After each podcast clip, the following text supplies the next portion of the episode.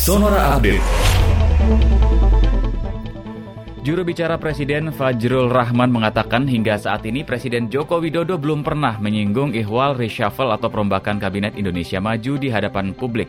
Menurut Fajrul yang dapat dipastikan kebenarannya yakni persetujuan DPR atas pembentukan kementerian baru berupa Kementerian Investasi serta peleburan Kementerian Riset dan Teknologi atau Kemenristek dengan Kementerian Pendidikan dan Kebudayaan Republik Indonesia.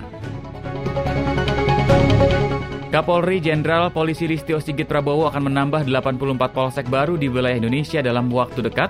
Pendirian polsek baru ini merupakan bagian dari program kerja yang direncanakan Sigit dalam kebijakan transformasi organisasi.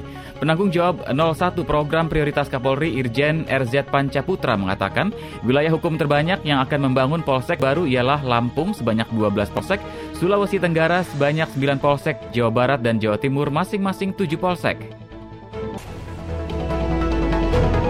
Demikian Sonora Update.